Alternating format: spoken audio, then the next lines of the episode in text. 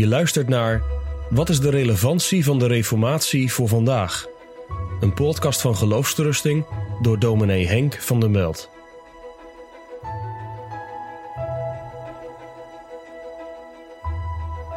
Sommige protestanten vinden dat je de Reformatie niet kunt vieren.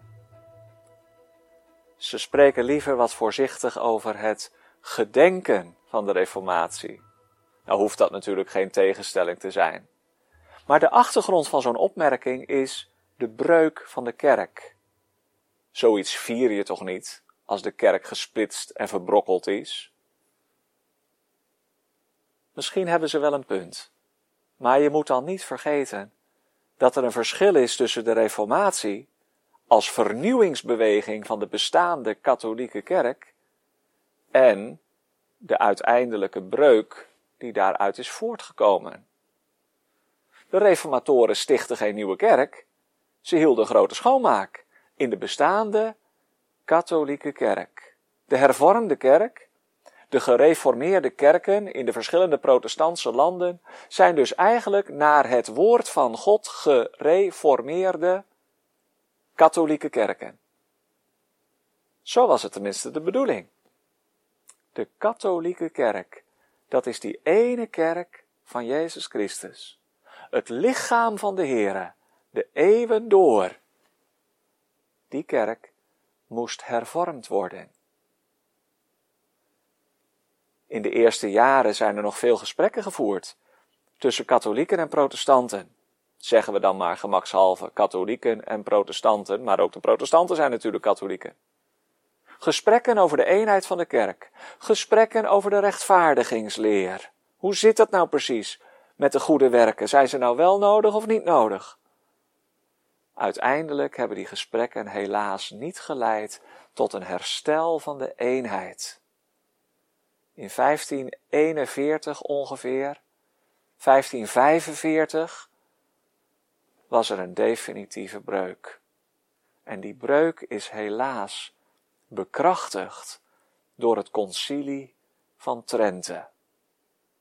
Daar werden de posities van de reformatoren heel expliciet afgewezen.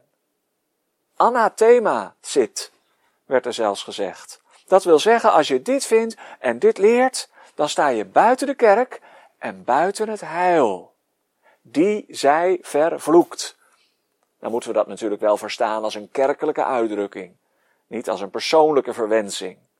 Maar toch, daarmee werd de hervorming van de rooms-katholieke kerk eigenlijk onmogelijk gemaakt.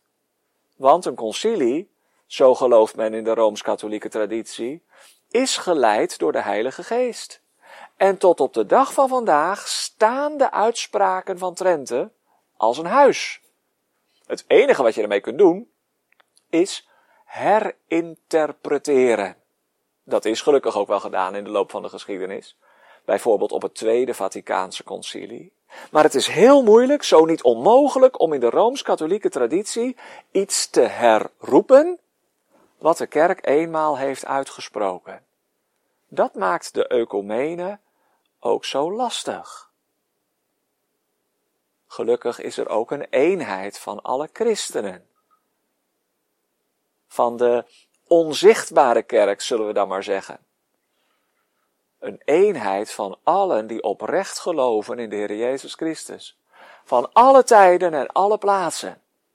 Maar een kerkelijke eenheid is sinds het concilie van Trente heel moeilijk geworden.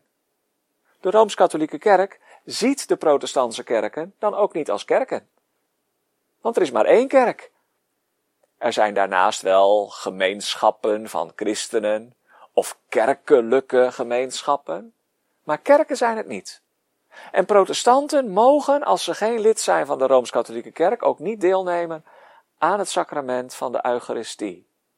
Dat onderstreept dat ze eigenlijk buiten het lichaam van Christus staan. In ieder geval buiten de zichtbare gestalte van het lichaam van Christus. Misschien, hoewel het natuurlijk pijnlijk is, die verdeeldheid, kunnen protestanten daar wel iets van leren. Van die gedachte dat er maar één kerk kan zijn. Niet de Rooms-Katholieke kerk, maar de katholieke kerk van Christus. Al is daar verdeeldheid in verschillende instituten en kerkgenootschappen.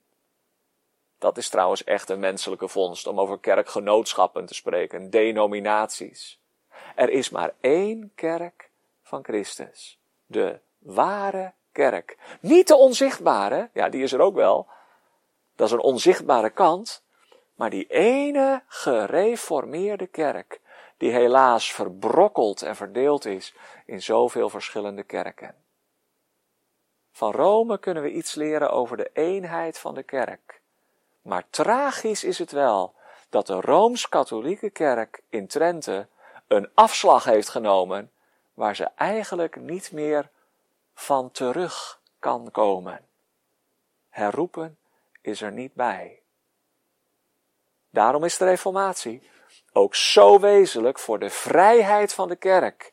De vrijheid om te hervormen naar het woord van God. De vrijheid om het evangelie echt te laten klinken.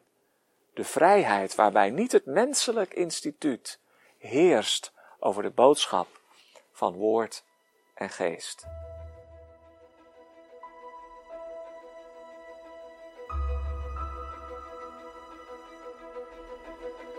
Je luisterde naar een podcast van Geloofsterusting. Wil je meer luisteren, lezen of bekijken? Steun dan onze missie en ga naar de website geloofsterusting.nl.